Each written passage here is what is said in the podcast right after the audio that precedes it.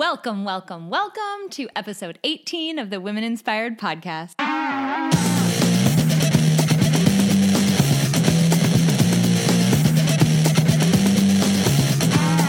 Welcome to the Women Inspired Podcast. I'm your host, April Seifert. There is nothing more powerful than a woman who is inspired to action, and that's my number one goal to inspire you, my listeners, to take action in your lives. Each week, I get to interview some of the most inspiring women, and I'm bringing those interviews to you. Let's do it.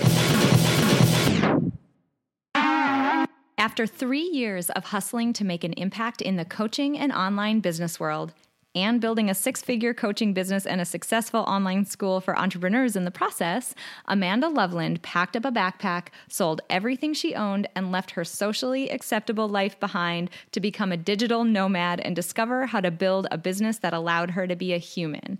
She was recognized in 2015 by Mary Morrissey with the Dream Builder Award of Excellence for her uncommon success in the coaching field and is certified as a Dream Builder coach, a parent coach, and a nonprofit leader. Well, hey, everybody. I am so excited today to welcome a fabulous entrepreneur and wonderful person to the podcast, uh, Amanda Loveland. Welcome to the podcast. Thank you. I'm excited to be here.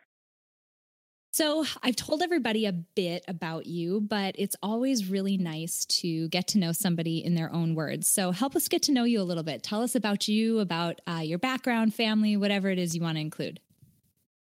Oh, goodness gracious. Um, yeah, so I am, I guess the biggest thing about me right now is that I'm quite the wanderer. So um, I'm a nomad of sorts in a, in a very literal way. I don't have a home. So I wander around the world, or right now, really just around the country, um, and learn new things and see new places and visit. This is probably the one that I'm with right now the most, which is visit with the people that I love, that I absolutely love and adore, my family, my friends that I've met all over um, and figure out how to operate a business and um, continue friendships all over the world and also figure out how to take care of myself in, in the midst of being a nomad. So it's probably the biggest thing to know about me right now. Um, and I've also developed a couple of different businesses. So my first business was um, in coaching. So I was doing like one on one coaching and group coaching in life and business concepts. And that was really where I hung out for a few years when I first started my business. And then that transformed into um, an online school for entrepreneurs called Wealth University. So I've been in the online world, I've been in the offline world when it comes to coaching. Um, and now I'm really entering into a new phase of my life that we'll call writing, um, learning how to be a writer, whether it be as books or um, uh, publications or who knows what that's going to turn into. So I'm very much still on the path of figuring out who I want to be and all the many things I want to do as an entrepreneur. And I've had a couple of successes along the way, and I'm grateful to share what I've learned. That's phenomenal. You've got a really cool background, and there's a whole lot of things actually that I want to um, dig into that. Uh, so I guess prior to talking to you, one place that I'll start, and one thing that stuck out to me about you is that prior to talking to you today, I did some research on you. And one thing that really stuck out in what I saw is that you are building what you call a hustle free empire. Um, tell me a little bit about what you mean by that. Empire really means something different to everyone who hears the concept. And I think that's really important to point out. So I now really what Wealth University became, and then the message that I've been spreading most recently is building whatever it is that you're focused on building. So for some people, that's in a corporate career. And that's something that, you know, they're really passionate about is having that stability in their lives. And for other people like me, it's having more of an entrepreneurship kind of life where you get to create the business that you'd like to be in. And no matter which route you're taking with those, I think it's important to build them without hustling, without struggling, because, you know, we've taken these concepts, like, for example, um, the word thriving or the word hustle, and we've made them into these like valuable traits of people that people who don't sleep are the people that we go, oh my gosh, how are they doing that? And do I have to stay up till 4 a.m. building my business in order to be successful? I'm not willing to do that. So I guess I'm not meant to be there. Like for me, it very literally means not working that much and not having that be the determining factor in my income. Like the number of hours that I put in is the thing that determines how much money I'm going to make. Hustle free for me means not working that much. And most recently, that means a couple of hours every week. And a year ago, that meant a couple of hours every day. And a couple, you know, years before that, it it meant that I was able to work 10 a.m. to 2 p.m. four days a week. Like it's it's always evolving for me of what exactly that looks like. But for me, hustle free means not having to work that much in order to make plenty of money. And for other people, it might mean, for example, my sister is more the corporate route. She likes the stability of her corporate work, and but that means for her that she number one doesn't have to work full time in that corporate career. And number two, that she doesn't have to work until the age of 60 or 70 or whatever retirement might be for the normal average, um, like American citizen. She doesn't want to work that long in order to have the freedom she wants to have in her life. She wants to set up her hustle free lifestyle to be able to generate the money she needs now to, in her 40s or in her early 50s, say, I'm going to have the kind of life I want to have now and, and not have to work in order to do it. So it means something different for everybody. But for me, it very much means not working that much and not having that affect my income. And in many ways, grow my income very much so. Okay. So that that completely blew my mind and i'm sure people who are listening to this uh, many of you probably feel the same way where you hear this person saying oh okay i'm going to work less and that is not going to be what dictates my income. What do you you know you've got a background in this and you've worked with a number of people over um, over the years and just teaching them how to set up this lifestyle.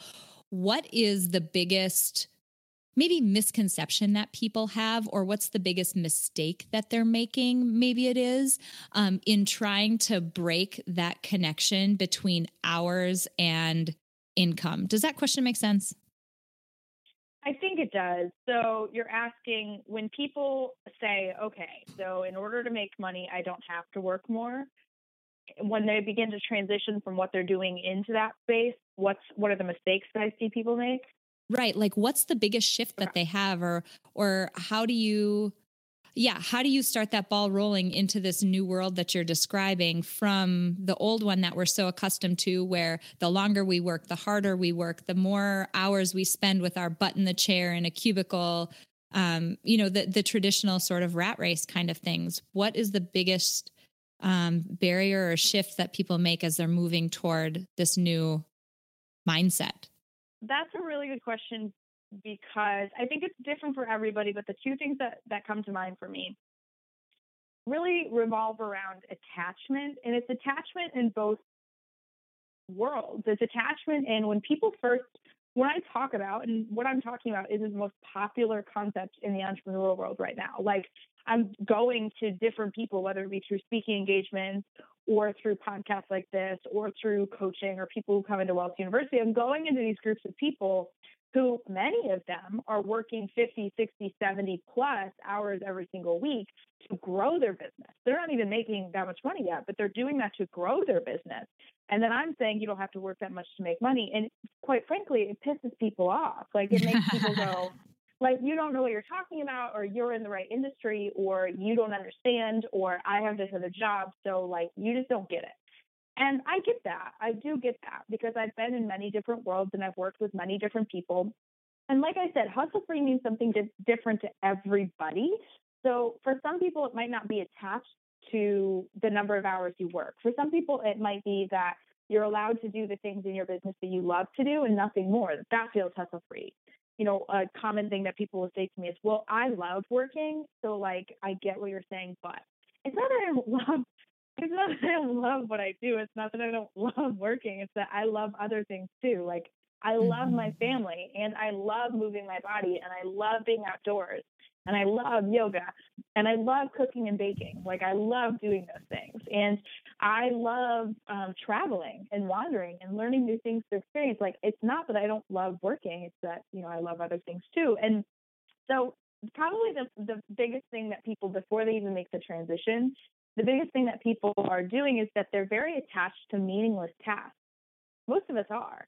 And at Wealth University, we help our students to identify like what are the things that you're spending time doing that are actually helping you to reach your goals.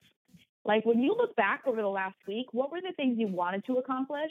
What were the things that you said, this is the tangible outcome I wanted? And then looking back, which of the things you spend time doing actually contributed to that? Because I find, mm-hmm. especially with like this information age that we're in, that people are spending hundreds of hours every month on social media posts or on newsletters or on blogs. And I'm not saying those things don't work for everybody.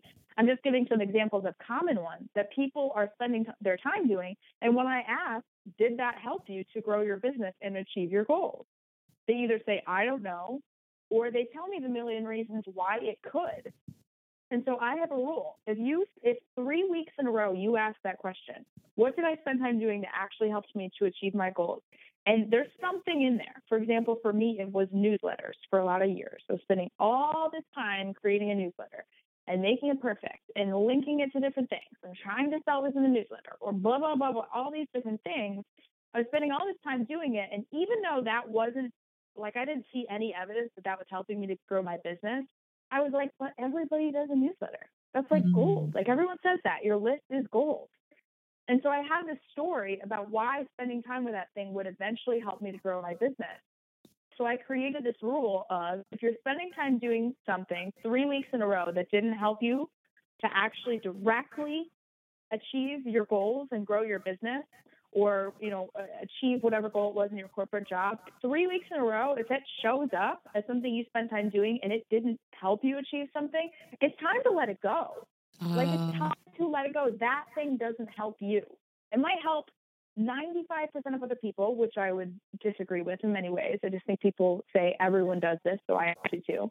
But it might help a whole bunch of other people but for you it's not working. Like just admit that. Be okay with that and just do the things that work for you. We're so attached to doing meaningless tasks that we fill up our days, like the majority of our days when we first um, started teaching this concept to our Wealth University students, the hustle free concept.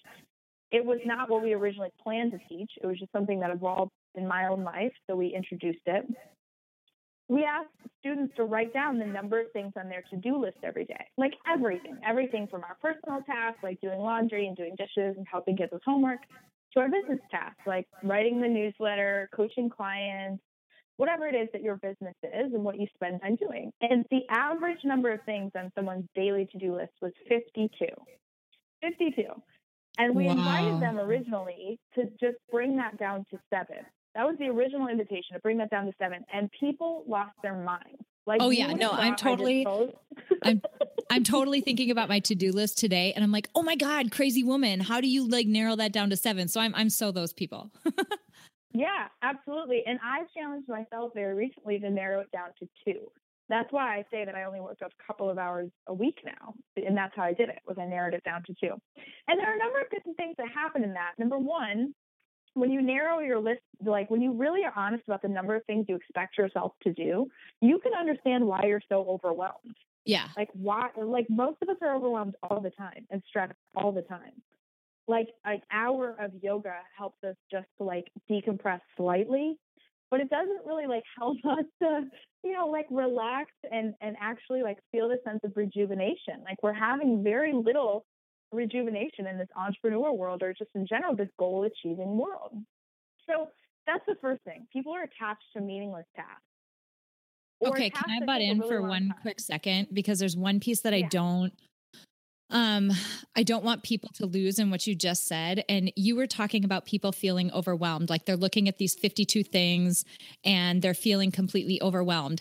I would hypothesize that a number of people who are in that position, and I'm just going to go ahead and like project my feelings potentially onto other people, but I think I think we as people look at our own personal situation and we think, "Oh my gosh, I feel overwhelmed because I'm not handling this well other people can handle yeah. this better than me. It must be a fault in me. It must be something that I'm not good at. And that's why it's overwhelming. What we don't say is 52 things is overwhelming. That's too many things. Yeah, and no one actually does them. No, no it's overwhelming because it is. We don't yeah. say that. Right. Yeah, and and the other interesting part of that when it comes to the attachment, the next part of that is when someone's willing to admit that they're doing a bunch of meaningless shit every day they then transition into, and most of my clients go through this. I can't think of a single client that we've introduced this concept to that has not gone through this. Is they begin to feel a sense of devastation or loss because our worth and how attached we are mm. to making money, how we actually feel like if we're not doing much, I must not be worthy of making any more money because what am I doing? Like, I'm not doing anything. And so then people make this mistake of assuming that what their worth or what their business value is or what the work they're doing and what they're creating in their life is you know worthy of and deserving of and and the number that we might put the value on that is attached to how much they do every day. And if they're not doing much they must not be worth much and so then there's like this period of nothingness that happens where we realize we don't have that much to do. And people go one of two ways. They either go back to doing a lot, and it might not be in their business because they've realized that they didn't have to do that much in their business in order to make money. It might not be in their business, but it might be in other things. That they find other ways to fill their time because if I'm not doing anything, I'm not worth anything. Mm. And so we go from feeling overwhelmed to like worthlessness almost. That's like, so uh, totally insightful because you hear people say, Oh, you have to know the difference between being busy and being productive. And I agree with that. But the way that you put it around this really psychological need to fill that time and the attachment mm-hmm. that we have, I love that word, the attachment that we have to feeling busy and having a lot going on that really adds a little layer to it. It's not mm. completely just that we don't recognize it, it's that there's sort of an emotion there that it's feeding. It's not just that we don't know it's there, it's that in some ways we need it emotionally. And that's mm-hmm. really insightful. Mm, yeah, and and that need to feel needed. Like that's one of the six human needs. Oh, is, oh, totally. Needing to feel needed. And and especially for women, I've found that you know, that is fulfilled by doing things, by doing things, whether it's in the home and we're cleaning up, or it's in our business and we're providing a service or providing a product or creating that. Like we're filling that. And I'm not proposing that people just sit around and do nothing. But an interesting thing has happened for me in the process of like discovering this whole concept myself. And that is that I've had to be willing to let there be a period of nothing and then a period of trial and error of what will be next. And the patience required to make that tr- transition to going to going from doing everything because everyone told me I needed to do it to realizing what actually needed to be done in order to accomplish my goals and recognizing how easy that was, that it wasn't that difficult, to having there be very little in my daily life because everything I was spending my time doing, there were, you know, only a, a select few I needed to do anymore to then begin to hear within myself, not just like, okay, well, you have time to go to the gym and work out because that's what everybody does and that's what you should be doing because that's where like having a, it would make sense if you're not working that much that you're like super fit, right? Like having this like whole thing come up about now what should I be doing?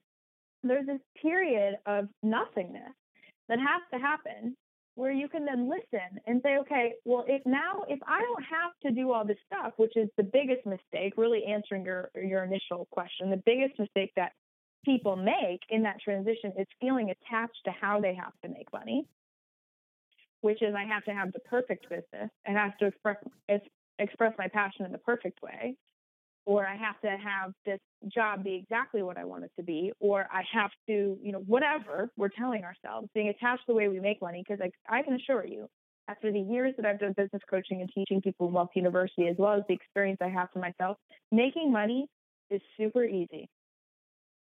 But finding work you love to do, finding work you love to do and not making that depend on money is entirely different.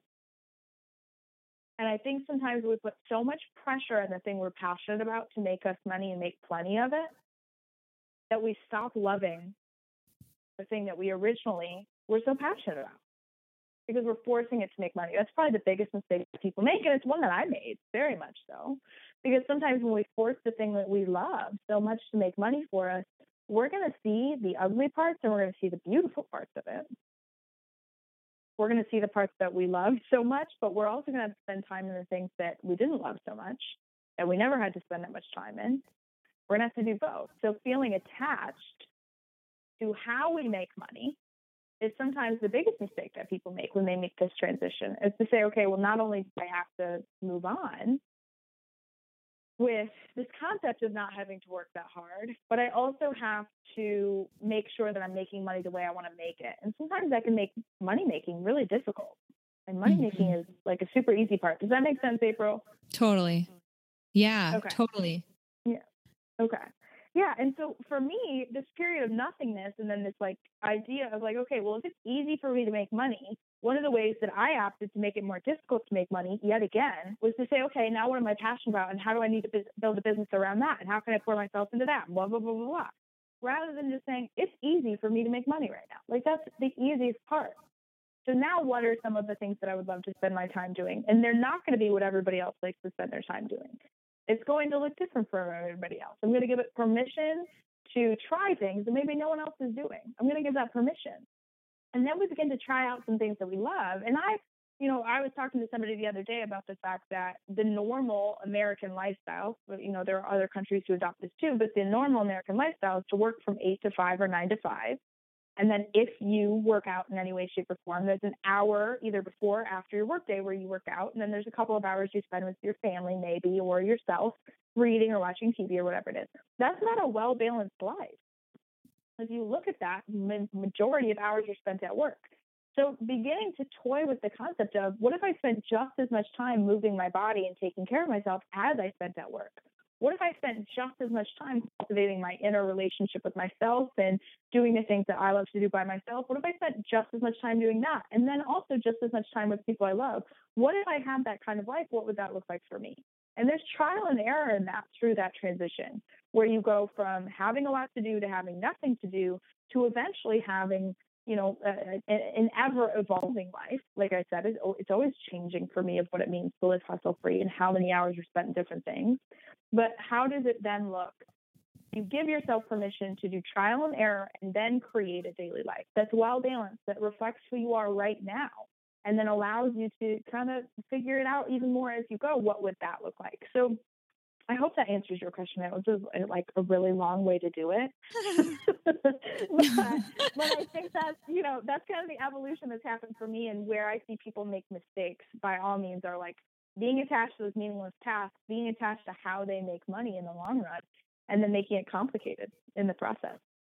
So I'm thinking back that that's beautiful. And uh I'm not a journalist, so I get into situations like these and I'm like, oh my God, I have about nine different questions. And you know, it's it's really hard for me to rein it in. Um, the first thing that pops to mind, actually, you know, you mentioned this void.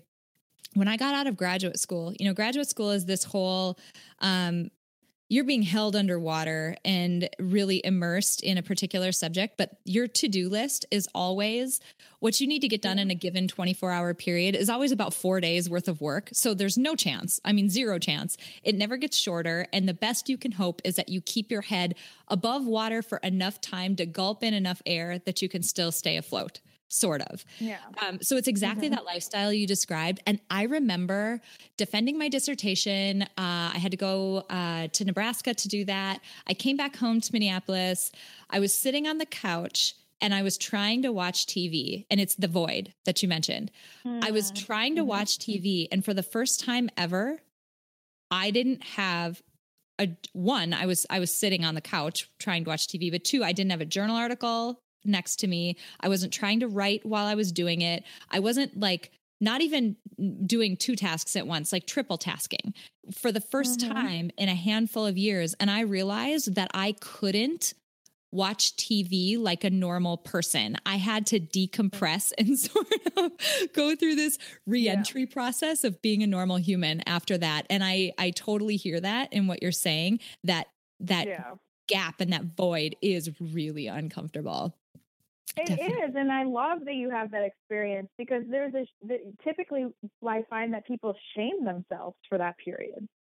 They're like, "Oh my god, I should be doing more. Oh my gosh, like I'm I'm useless. Like I'm not doing anything." And then and then so that we just begin to fill up our days because we feel worthless or because we feel useless or because we're shaming ourselves that we're in that phase, rather than be patient and just tell ourselves like, I require this period of time, you know, when I was uh, my very first like nomadic trip, right? So I bought a one way ticket to Paris. I flew to Paris, and through that, I went to all these different places. And I was going to do this pass through in this town called Byron Bay, Australia, which is my absolute favorite to date. And I will probably forever love Byron, and it'll forever feel like home to me.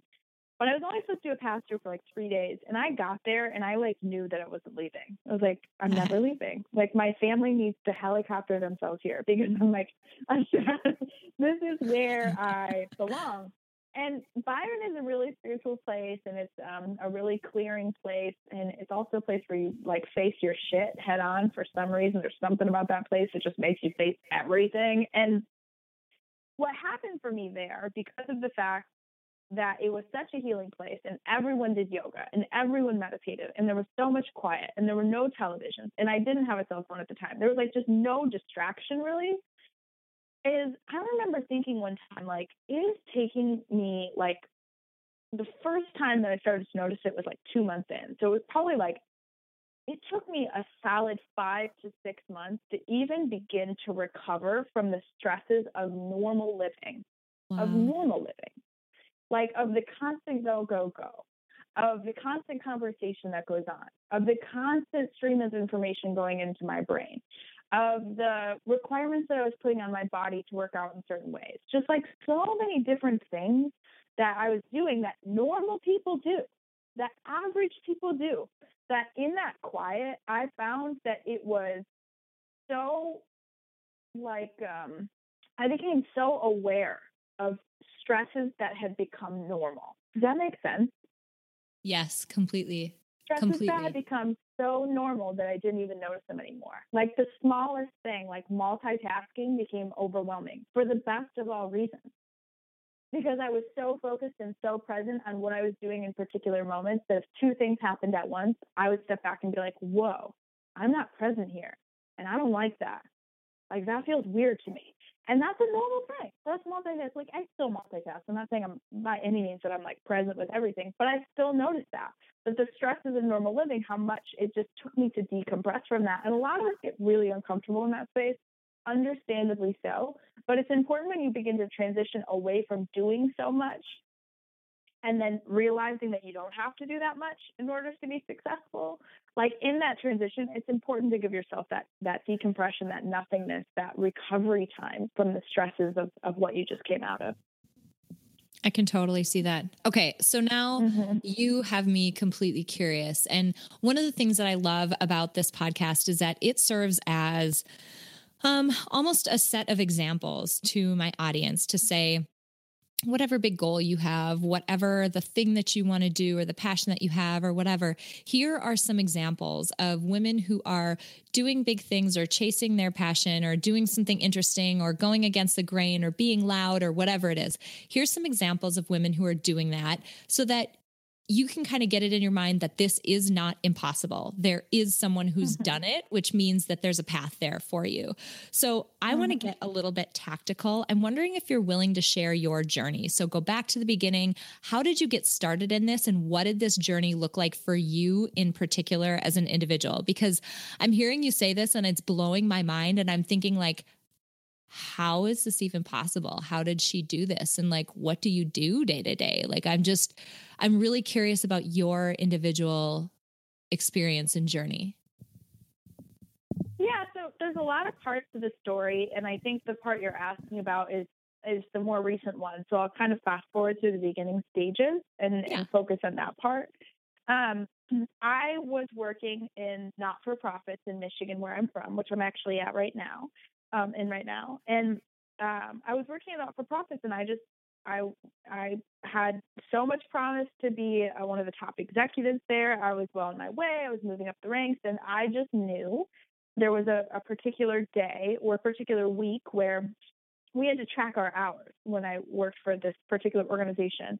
And there was a week that I tracked 117 hours, which people ask me now, how is that even possible? And I couldn't answer that question for you. It's oh just oh what I worked that week. And I tracked 117 hours. And at the staff meeting that day where we handed them in, they, they had a celebration for me what? of how committed I was. And that day I put in my two weeks. I was like, oh my God, like, what am I doing? Like, this is insane. I'm giving myself, I'm literally dedicating my life to this organization and being celebrated for it. And I don't even think I like this. Like, this yeah. is, I, I don't know what I'm doing.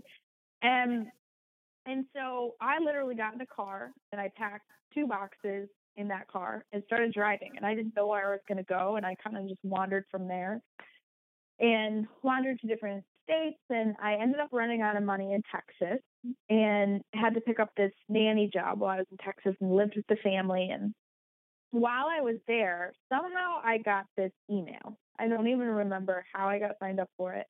I think it was like someone else I was signed up for on their newsletter, but they were having a guest person write. And they in the email, I don't remember what the email said, but it, it signed off. It said her name and it signed off as a coach. And I didn't know what that was at the time. And um, I, you know, I just got curious and kind of inquired and reached directly out to that woman and asked her about what coaching school she went to and what it meant. And I just knew that that was that was definitely the route for me. Ended up going to a couple of different really intense coaching schools, evolved um, from that place, and I just felt ready at a, about a year and a half of study to open my coaching business. And I was really successful really fast, um, which brought with it working a lot. Like I went from being a nanny and, and doing that full time to having to quit so that I could um, start my business. And mm-hmm. in that process, I moved a couple of times and I got to, I was with my now ex-husband um, at the time and, and he had a really big dream and so we were moving around the country to support his dream and, and um, really just dedicating my life to living dreams. Like that was the, that was where I was at. And that was, that's what I was dedicated to. And I was working quite a few hours. Like, like I said, it was like 10 a.m. to 2 p.m. once I kind of got it under control. So it wasn't bad at all after a while, but it was exhausting work. Like it was very healing work. I was accepting a lot of energy from other people. I was packing a lot into a small amount of time. I was creating constantly. Even when I wasn't working, I was writing about something. Like it was a very exciting time for me. But after a year or so of doing that, it was also a very exhausting time for me. And what happened um, after that was I went, I started to show signs of burnout and I went, um, I traveled back to Michigan for a month to just be away from everything. I was living in Los Angeles at the time and I just needed to get out of the city and just be in a place that was quiet. So I went back to Michigan and I was in my um, aunt's basement doing some recovery. She had a yoga room and just a very relaxing space. I was doing some recovery from that. That month that I was stepping back and saying, I'm I'm getting tired. I'm getting really tired, like to the extent that I can't wake up sometimes and can't get out of bed. And um, I started asking myself this question like, okay, I found that I'm building something that I like, that I really like to spend time in, and I love working with these people. Now, how can I change it? How can I transform it in a way that allows me to be a human being? That was a question that I started asking because I realized that I was treating myself like a machine. I was like, I was requiring myself to be up at you know at a particular time every day and get myself prepared mentally, uh, you know, every single day in the same way and be super excited and be really motivated and help these people. And and if I didn't show up, I couldn't make money.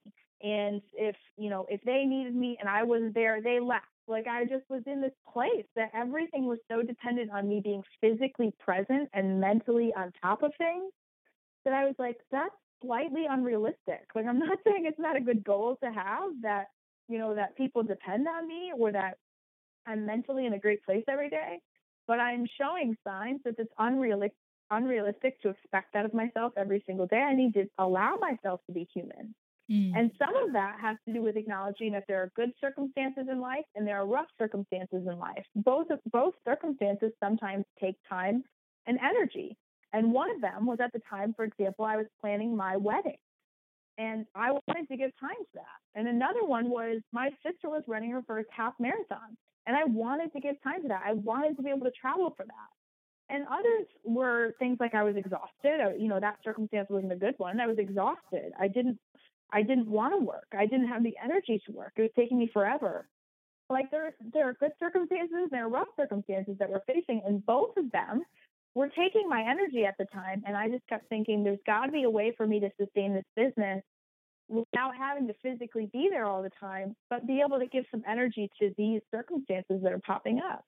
And that's really where Wealth University was born and the concept um, of Wealth University being an online school for entrepreneurs. So it was a place where people could come and they, you know, I could grow my business without it, depending on the number of hours that I was working. And for everybody, it looks different if they ask themselves that question what can I do to make this, you know, allow myself to be a human being through this? We've helped people who do brick and mortar shops, we've helped people who have online businesses, who are in tech and inviting investors to invest in them, people who just do every kind of business. We've helped them um, to answer that question for themselves. And I started asking that question really at the perfect time for me because, you know, a year later, some unfortunate things happened and I went through a really rough and surprising divorce. And it knocked me clear on my ass, like mm-hmm. where I just was so confused about life and so confused um, about where I was headed everything that I planned for my future in my business and everything just felt completely unclear. And I just wanted to get away. And so, well, where Wealth University was kind of the first, how can I allow this to not require my physical presence? I was still working a similar number of hours, but I wasn't as exhausted. It was a little more productive for me. I went very drastically the other direction and said, I think I'm only going to work like a couple of hours a day, three days a week, and I'm going to travel. Like, I think that's what I need right now. And I bought this one way ticket to Paris, and I didn't know if it was going to be possible to run my business that way. If people were going to feel like I was forgetting them, if if I wasn't going to produce that much work, if if everything was going to fall apart. Like I really didn't know at the time, but it's really evolved into a beautiful thing, and it it's really opened my eyes to the fact that every phase of pulling away things to do in my business at every phase of it, whether it just be like pulling away at things to do so that I could work 10 to 2, pulling away at things that I could work one day a week and recover for the other six days because I was burnt out. Pulling away to say I only have a couple of hours a few days a week because I need to travel and get my mind on something else. Like pulling away at each of those layers, it's been a really beautiful discovery that my income didn't have to be affected by those changes. On many occasions, it actually increased because of those decisions because it gave me more freedom, it gave me more flexibility to serve more people, to reach bigger goals. And then may, in some of those cases, hire other people to do the things that I wasn't eh, doing anymore. Mm. That wasn't the case at first, but it eventually became the case. So really, it just has been this beautiful evolution of stepping back and saying, you know, my story has very much been an evolution and evidence to the fact that life happens, and it's important to build a business that allows it to happen or else you're either going to become completely dedicated to your business and you're not going to have much else, or you're going to, as many people do as you get older, compromise what your dream is mm. and say, mm. I don't have to have this because I want the other things. And you know, there everybody's evolution of that is completely different, but mine has been really beautiful and, and I've just never allowed my mind to go into the place and say, This means I have to compromise the amount of money I can make or how much I have to work in order to make that money. And and it's kind of just taken on its own from there, very much so. I love that. Thanks for sharing that journey because it's, um, you know, the ups and the downs because, uh, yeah. You know, it's helpful to hear the journey that other people have gone on. It's easy to look at the place that someone who's really successful, the place that they're at right now, and think, oh my gosh, I could never get there because they're so different than me. But, you know, when you talk through that, you've faced challenges too. You've faced uncertainty too. You've faced barriers for sure. And um, mm-hmm. you know that's something that feels much more familiar to people is is the process of getting there not just the destination at the end. Absolutely. That's another thing like we get really obsessed with how something happens. Not just what's going to happen but how it happens. And yeah. you know i set intentions and i set goals and i have big dreams just like probably everybody listening to this podcast. And one thing that I'm sure we can all relate to is the fact that it didn't happen the way we thought it was going to. And nope, that's never. okay. It doesn't mean it's never going to happen, right? It just means that there are going to be things along the way. And it's important to just recognize that not only are we headed where we want to go, but it does look messy and it looks messy for everybody else too. It's all right. Don't make that stop. Don't let that stop you. Yeah, I, I used to answer the question, oh, where do you see yourself in a year or three years or five years? You know, that typical, hey, are you a planful future uh-huh. focused person. And I would say I am planful and future focused, but I used to answer that question the way that you're supposed to. And I would come up with some goals and, you know, say, here's my plan and this is the path that I'm on.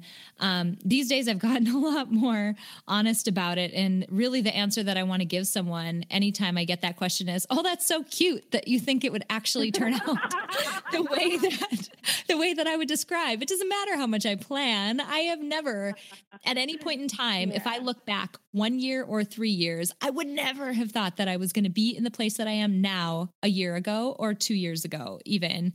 So yeah. I'm not planning that far ahead. Yeah, I think it's you know that's very much changed for me as well. So the evolution of what's happened for for my world because I was very much a very strategic planner. I still am a very tangible goal setter. Like if I can't measure it, it's kind of a useless goal to me. Um, yeah. Because measurement really allows me to see whether or not I'm on track or not. Um, I'm very much like that, but I think that curiosity is key. Like being absolutely certain about things is really beautiful, but make sure you're absolutely certain about what it is that you want really and don't be so absolutely certain about how you're going to achieve it, the way you're going to achieve it, the steps you're going to take to get there, the whole plan along your, you know, along the path and exactly the landmarks you're going to hit because curiosity is key. It might evolve and change and interest you in something else and transform into something you weren't planning. So it's okay to have a this is where I'm headed, but be curious be curious along the path and if something, you know, if something catches your eye, give yourself the freedom to say, "Hey, it might be this too." Might be this instead. And I give myself that flexibility. I love that. So, speaking about goals, and you mentioned it a little bit before that you're working on uh, becoming a writer and learning how to do that. What is your next goal? Yeah, so my biggest thing right now is becoming a published author. Um, so I'm very much in in full fledged of becoming just a great writer and practicing that skill and learning about that skill and um, figuring out how I write and what I write and and just all those kinds of things. That's, that's very much what's next for me is, is being a published author. That's awesome. I love it. And I love yeah. that you're moving into a space yeah. that it's not completely out of left field from what you're doing, but it's definitely not comfort zone. That's for sure.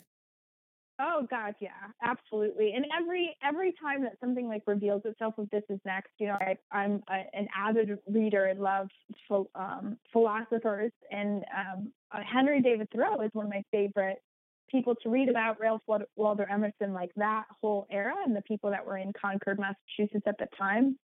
But he wrote this essay, Henry David Thoreau did, called Wal- Walden, after he had mm-hmm. lived in the woods for two years, two months, and two days he wrote this essay as a kind of a conclusion to his time there, and he says he said in it, I'm I'm leaving the woods for the same reason that I came here because I have many lives to live and I have no more time to waste than the one that I've been living.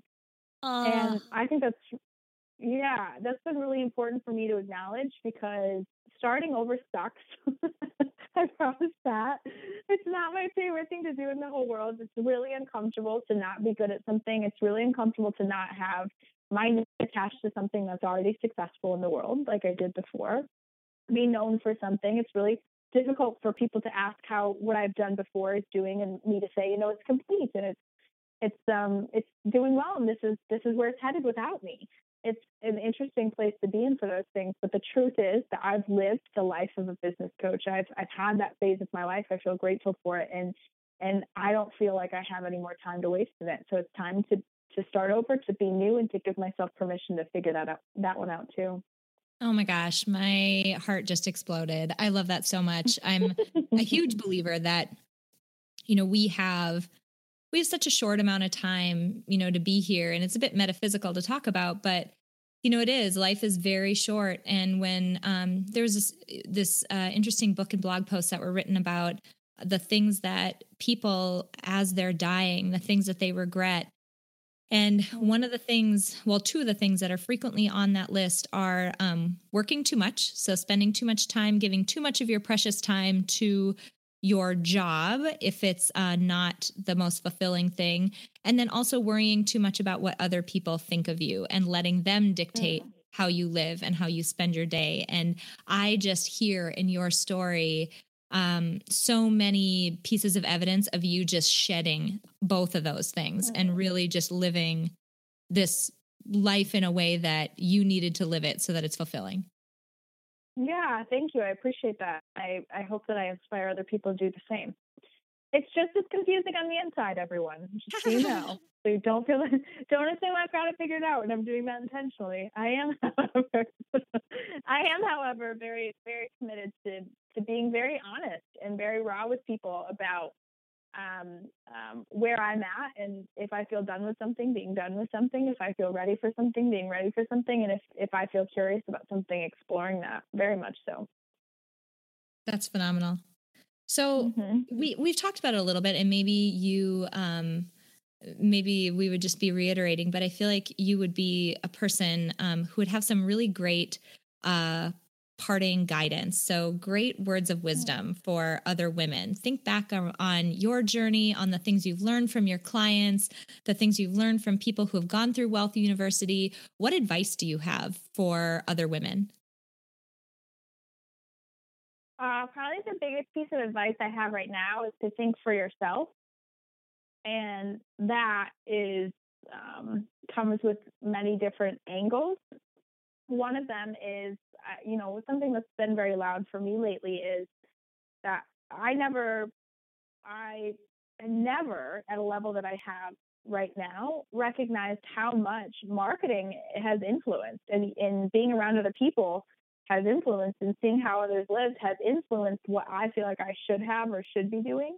Mm. Um, and so my taking a break from that and traveling around the world for a little more than a year really helps me with that. And I'm not saying you have to travel around the world or or completely remove yourself from those things, but like really stepping back and thinking for yourself and saying, I get that that's how a lot of people live, or I get that's what marketing shows me I should want, or you know that body or that amount of money or that lifestyle. I understand that, but you know, working with hundreds of entrepreneurs, uh, you know, they all wanted very similar things, and that to me says that people have forgotten what they want and they've attached themselves to what they think they should want. When everybody wants the same thing, it's a little curious to me.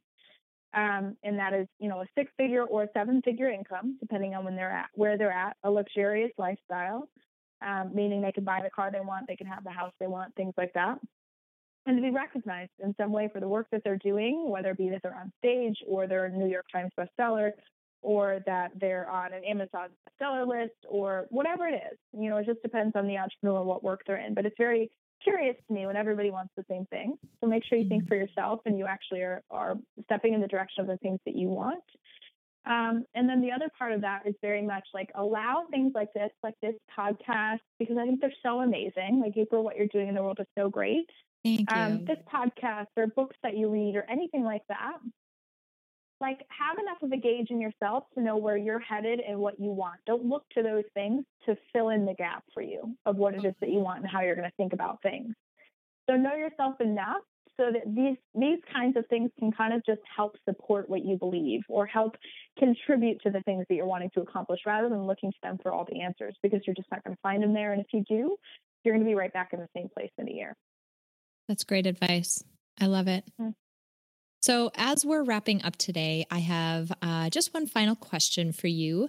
Um, we are compiling a Spotify Power playlist that is uh, comprised of songs that have all been curated by the amazing women who I have had just the incredible honor to interview on this podcast. So, I have to ask for your contribution to the playlist. I could literally list like 30 songs. I have a know, positivity. I have a positivity playlist that I, that um, is pretty much in my ear obsessively, and it's what I travel with, and like puts me in the best mood all the time. So I will tell you my favorite. Um, one of them is "Good to Be Alive" by Andy Grammer. Pretty much anything Andy Grammer does is pretty fantastic. Nice. Yeah, "Good to Be Alive" is probably my favorite. Um, and then the other one, the actual, actually the one that you probably will not hear from anyone else, and I'll just throw this one out there because of that. Um, there's this woman, her name is Irene Boggs, and she created this um, music concept called Affirmajams. Huh. And it's all affirmations within upbeat music.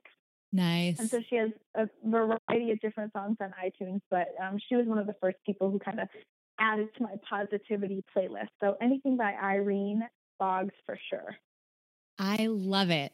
That's awesome. I will definitely add them to our playlist, and I appreciate you for sharing. Or appreciate that you shared it with, with us. Yeah. Yes. Happy well, thank it. you so much, seriously, for being here today. Your story is amazing, and the message that you have is one that I know that we all need to hear. In that there is another path, and that there's a way to do this without being so completely frazzled. And also, if you're feeling frazzled and you're feeling overwhelmed, it's because it's overwhelming. It's not because you know there's part of you that just can't handle it. Because we do let ourselves get so busy and uh, try to cram way too much into every single day. So I appreciate you being here and sharing um, these amazing lessons with us. Um, where yeah, can people find you? April. So the, the best place to find me is amandaloveland.com, amandaloveland.com, and that'll direct you to all the other channels that I have. Nice. And I'll be sure to link to that on your show notes page as well. So it's easy for people to find you. Great. Cool. Well, like I said, thank you so much for being here today, and I so appreciate it. Yeah, thanks, April. And thanks, everybody, for listening. I really hope you had fun meeting Amanda Loveland. It's interviews like this one that make me think about how I structure my day and how I think about my work and my value. You know, I'm completely guilty of tying my personal sense of value to the number of hours that I've worked in a day. Um, I'm also really guilty of letting activities slip into my day that might not be serving me in one way or another. And Amanda's messages were just a great reminder to me to be more mindful about what I spend my time on and who I spend it with so that I can have enough margin in my day to hang out with my friends and my family and my loved ones. Now, if you want to learn a bit more about Amanda or how to build a hustle free empire, you can visit her at www.amandaloveland.com. Before we wrap up today, I just want to take a minute to thank all of you who are listening and to extend a special thank you to those of you who've taken a minute to leave me a rating or a comment. I took a peek at iTunes the other day and I saw such a heartwarming comment. It read, April Seifert is a vibrant, brilliant woman who is bringing her passion and positivity to everyone with this podcast and movement. The takeaway messages and themes from these interviews leave me feeling pumped up, ready, and capable of making changes and connecting with the world. Definitely worth the listen. It was just so wonderful to read, and I can't thank you enough to whomever wrote that comment. I so appreciate hearing from you. The ratings and reviews that you leave help my podcast come up when people are searching for content like mine, and it helps me think about the types of women who I might bring on as guests, so I really appreciate it. And by taking a minute to leave me a rating, you're helping me share these stories with a wider audience. Last note that I want to say is I'd love to stay in touch. You can connect with me by signing up to receive updates at aprilseifert.com or by joining us on the Women Inspired Podcast Facebook page at facebook.com slash women inspired podcast. I hope to see you there and have an inspired week.